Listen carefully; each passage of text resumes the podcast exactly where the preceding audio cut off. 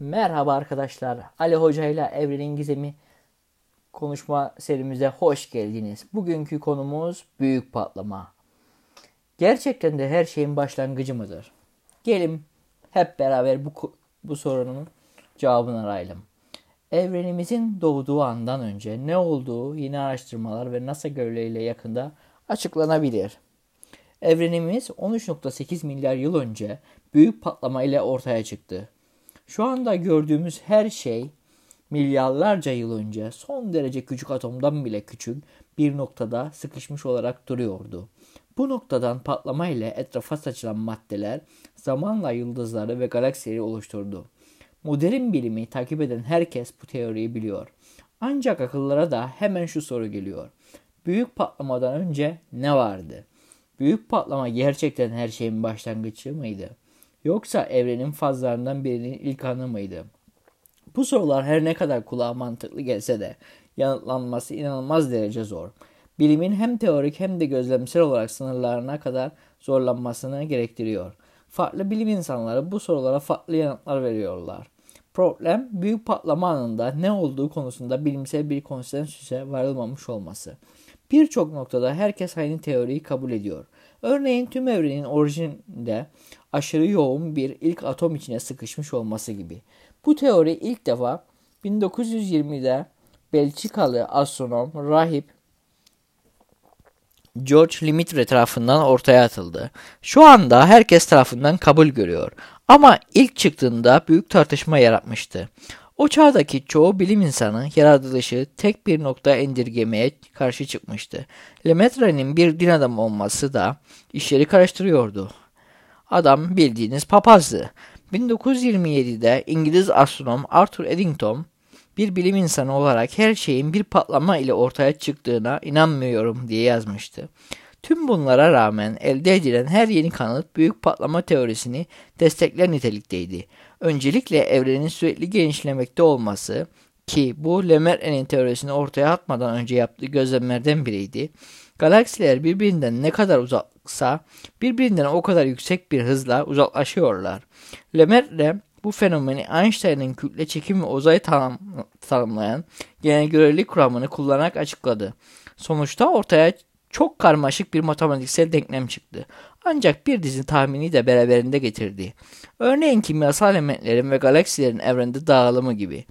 Tüm bu tahminler de bilimsel gözlemlerle doğrulandı. Uzaklardaki çok uzaklardaki gök cisimlerine baktığımızda ışık hızının bir sınırı olduğu için aslında zamanda geriye doğru bakmış oluyoruz. Ne yazık ki geçmişe büyük patlama anına kadar geri bakmak mümkün değil. Evren daha genç ve daha küçükken daha sıcaktı. İlk aşamalarda güneş gibi süper sıcak plazma ile doluydu. Bu plazmadan ötesini göremiyoruz. Cihazlarımızla baktığımız en genç zaman büyük patlamadan 300 bin yıl sonrasında denk geliyor. Teknik olarak tekrar birleşme adı verilen bu safha kozmik mikrodalgalar olarak gözlemlenebiliyor. Lemaire'nin teorisinde bu da tahmin edilmişti. Peki bu büyük patlama ile bu birleşme anı arasında ne oldu? Bunu gözlemleyerek öğrenmek mümkün değil. Bu yüzden teoriler gelişmekten başka şansımız yok. En azından şimdilik. En basit yaklaşım bu genişlemeyi geriye doğru takip edip sonsuz yoğunluklu bir noktaya taşımak. Buna biz ne diyoruz? Tekillik adı veriyoruz. Bütün uzay zaman devamlılığı boyutsuz bir noktaya sıkıştırılmış olmalı. Ve o noktada bilimin uğraştığı her şey madde ve enerji, uzay ve zaman, fizik kuralları ve zaman anlamını yitirir. Bütün bunlar büyük patlamadan önce yoktu ve onunla beraber ortaya çıktı. Bu bakışa göre büyük patlamadan önce ne olduğunu sormamız anlamsız. Bu soru Kuzey Kutbu'nun kuzeyinde ne olduğunu sormak gibi bir şey.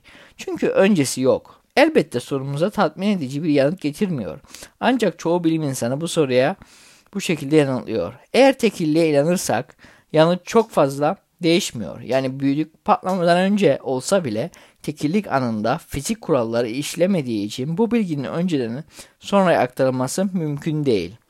Sadece gözlemlenebilir sonuçları olan fenomenlerle ilgilenen bilim insanları için bu soruya yanıt aramak manasız. Bu bakış açısı Stephen Hawking'in Zamanın Kısa Tarihi kitabında açıklanmıştı. Büyük patlama öncesinde olan olayların bir devamlılığı olmayacağı için evrenin bilimsel modelini oluştururken dikkate alınmaması gerekiyor. Onları göz ardı etmeli ve zamanın büyük patlamayla başladığını varsaymalıyız. Büyük patlamadan önce ne olduğunu bilmek isteyenler için bu yanıt son derece sinir bozucu. Ancak genel görelilik kuramını kullanınca bu yanıttan başka bir çözüm kalmıyor. Peki kullanılması gereken doğru teori bu mu? Evrenimiz üç şekilde biri e, olması gerek. Ya kapalı, ya düz ya da açık. Görelilik kuramı çekim gücü ve uzay zamanın büyük ölçekli yapısını mükemmel bir şekilde tanımlıyor. Ancak maddenin atom altı ölçekte davranışını açıklamak için başka bir fizik türüne, kuantum teorisine ihtiyacımız var. Bütün uzayı büyük pat patlama öncesi mikroskopik boyutlarda bir noktaya sıkıştırdığımızda bu iki teorinin beraber çalışmasına ihtiyacımız var. Bunu henüz başaramadık ve bunu çözmek için çalışan fizikçiler büyük patlama teorisi nasıl etkileyeceğine dair farklı teoriler geliştiriyorlar. Bir ihtimal ki bu ihtimal Hawking tarafından da destekleniyordu. Kuantum ölçeğine indirdiğimizde işlerin çok fazla değişmemesi. Evet, uzay kendini tekillikten uzak tutacak şekilde bir noktaya sıkıştırılabilir. Ancak bu yine de büyük patlama öncesi olayları konuşmanın anlamsız olduğunu gerçeğini değiştirmiyor. Hawking kuantum teorisini kütle çekimine uygulamak bizi uzay zamanın sınırının olmadığı bir ihtimaller silsilesiyle karşı karşıya getiriyor demişti. Belki zaman ve uzay birleşip boyutu sınırlı ancak sınırları ve köşeli olmayan bir yüzey oluşturuyor. Hertel-Hawking teorisi olarak bilinen bu teori, Hawking bu teori oluştururken Amerikalı fizikçi James Hartle ile beraber çalıştı ve şöyle söylediler. Yine de büyük patlama öncesi olay, olayları açıklayamıyor. Bu arada farklı aşımlarla gelen farklı teoriler üreten başka bilim insanlar da var.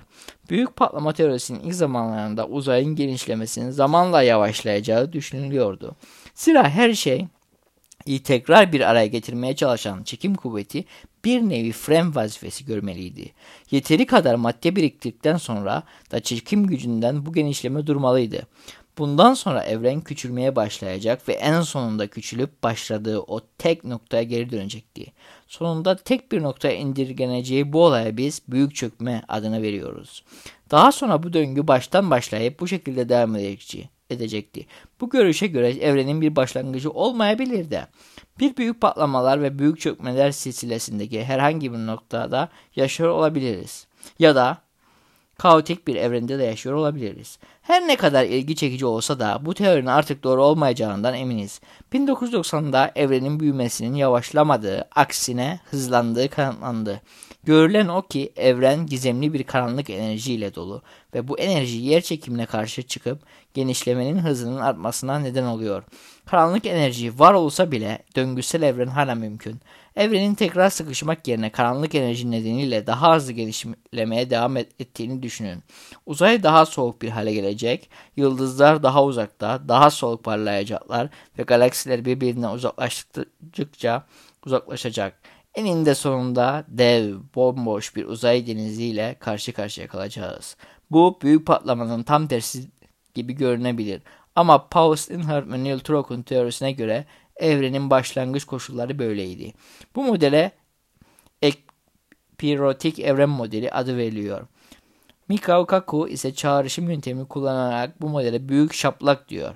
M teorisi adı verilen kuantum çekim gücünün bir varyantasyonu kullanılarak oluşturulan bu model evreni çok boyutlu bir uzay içinde üç boyutlu bir zar gibi görüyor. Kako iki düz, homojen ve paralel zar düşünün. Boş soğuk evrenler,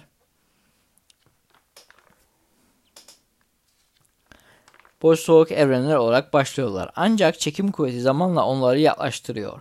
Sonunda kaçınılmaz olarak çarpışıyorlar ve bu büyük çarpışmadan doğan dev boyuttaki kinetik enerjiyi maddeye ve radyasyona dönüşüyor ve evrenimizi oluşturuyor diyor. Bu iki model de belli bir döngüde doğup ölen, yeniden doğan evren saflarını kabul ediyor. Trok evren neden böyle diye sorduğumuzda bunun bir sonraki döngüye hazırlanmak için böyle olması gerektiğini söylüyorum diye açıklıyor. M teorisi tek kuantum çekim yaklaşımı değil. Bir başkası Penn State Üniversitesi'nden Ashtekar tarafından oluşturulan teori ve Loop Quantum Gravity adını taşıyor.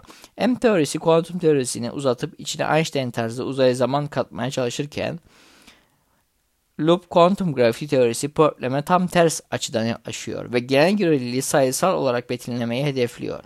Avantajı tekillik kavramını direkt olarak yok sayması ve bunu böyle kabul etmesi. Zira uzayı minik döngüler olarak düşünüyor. Böyle olunca sonsuz küçüklükte bir noktanın var olması mümkün olmuyor. Peki bu durumda büyük patlamaya ne olacak? Yanıt bir kez daha sonsuza kadar sürecek.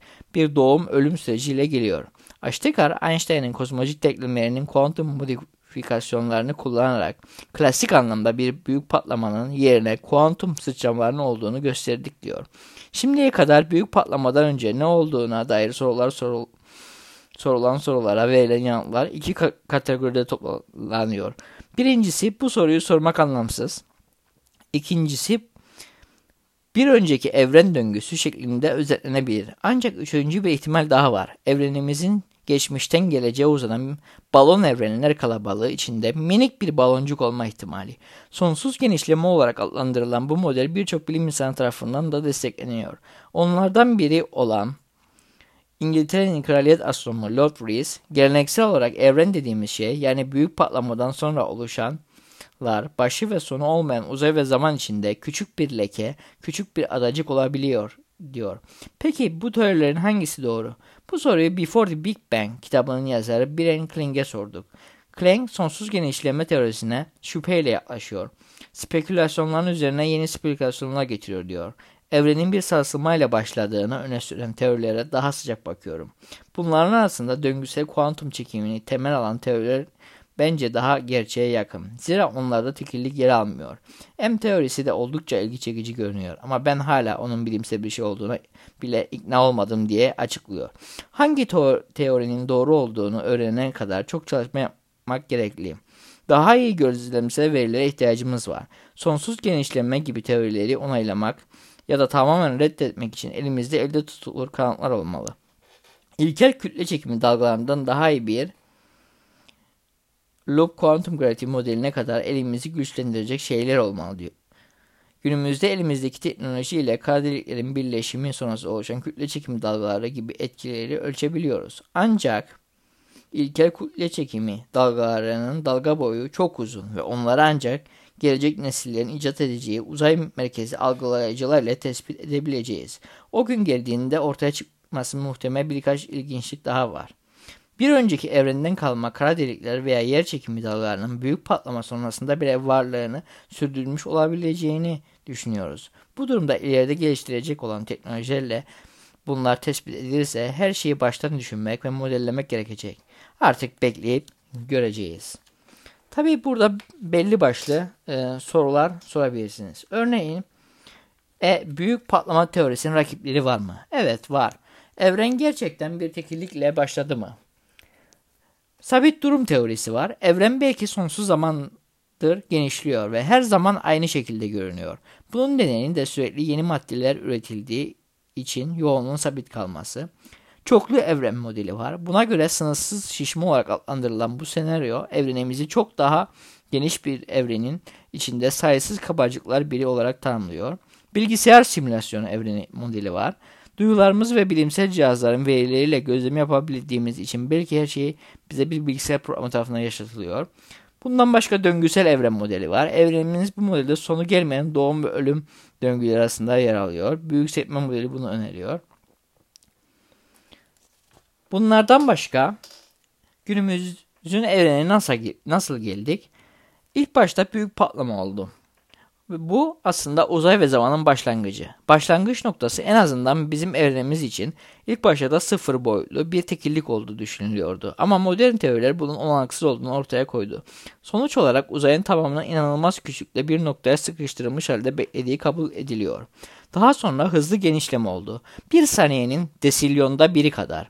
Büyük patlamadan hemen sonra evren bir anda devasa boyuta çıktı. Bir atom altı parçacıktan birkaç ışık yılı büyüklüğe ulaştı. Daha sonra madde ortaya çıktı. Hemen bir saniye sonra. Bu ani şişmeden sonra evren daha düşük bir hızla genişlemeye devam etti. Sonunda da soğumaya başladı ve tanıdık parçacıklar, örneğin proton ve nöronlar oluşmaya başladı. Daha sonra birleşme dönemi oldu. 3000 ile 400, 400 bin, 3 300 bin ile 400 bin yıl arasında oldu bu. Bu noktaya kadar evren o kadar sıcaktı ki madde sadece iyonize plazma formunda olabiliyordu. Daha sonra birleşme dönemi geldi bu sırada parçacıklar birleşip ilk atomlar oluşturdular.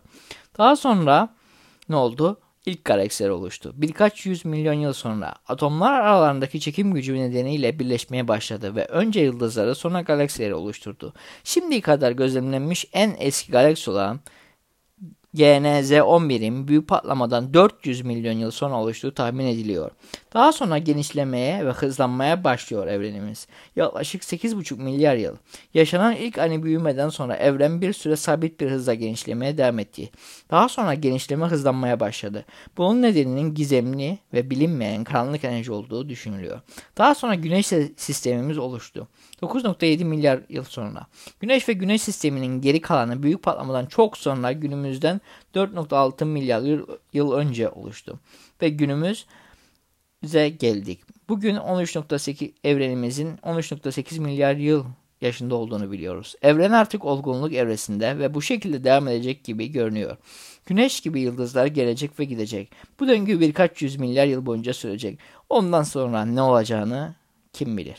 Biz de bilmiyoruz. Büyük patlamayı e, uzaydaki teleskoplar ya da sondalar aracılığıyla araştırıyoruz. Evrenin ilk zamanlarını araştırmak için gelecekte uzay görevlerinin hazırlanması düşünülüyor. Bunlardan en önemlisi James Webb Uzay Teleskobu.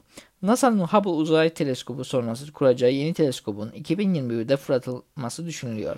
Bu teleskop büyük patlama sonrası oluşan ilk nesil galaksilerden gelen kızılötesi ışığı arayacak.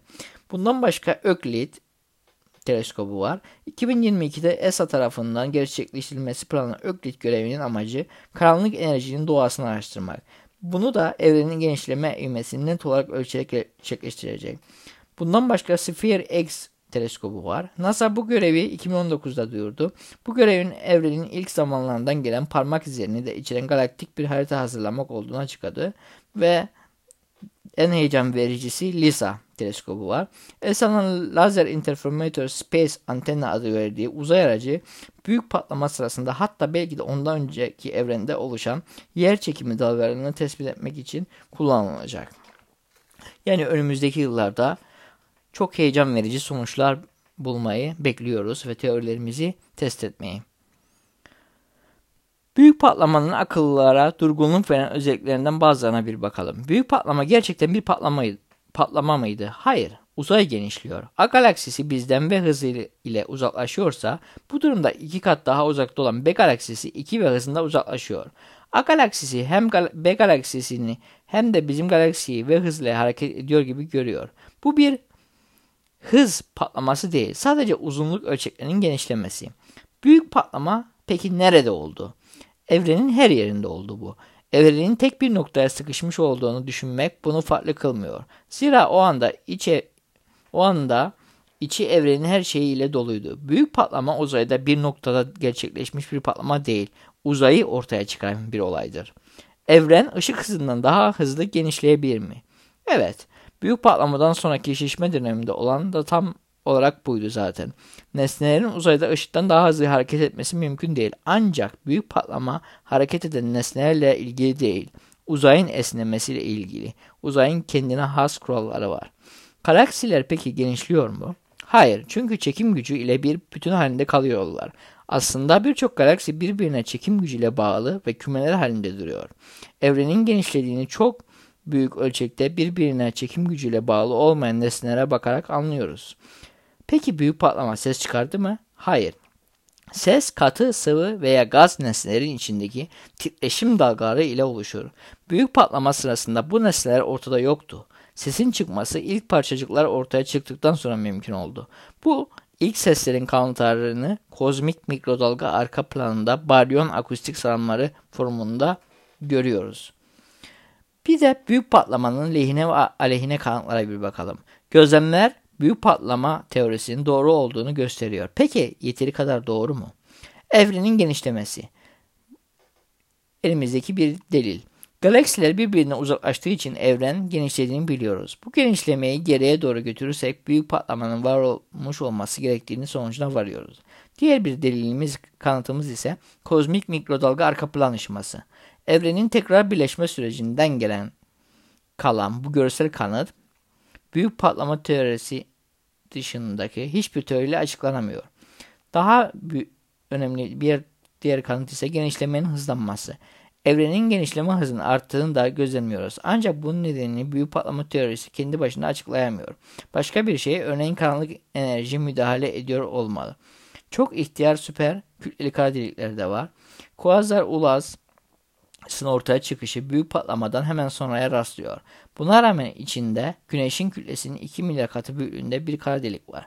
Bu astronomlar, bazı astronomlar bu kara deliğin bir önceki evrenin kanıtısı olduğuna inanıyor. Evet, evrenimiz gizemini koruyor ve biz de evrenimizi yaptığımız gözlemlerle ve teorilerle anlamaya devam ediyoruz. Bizimle kalın, biz takip etmeye devam edin. Hoşçakalın.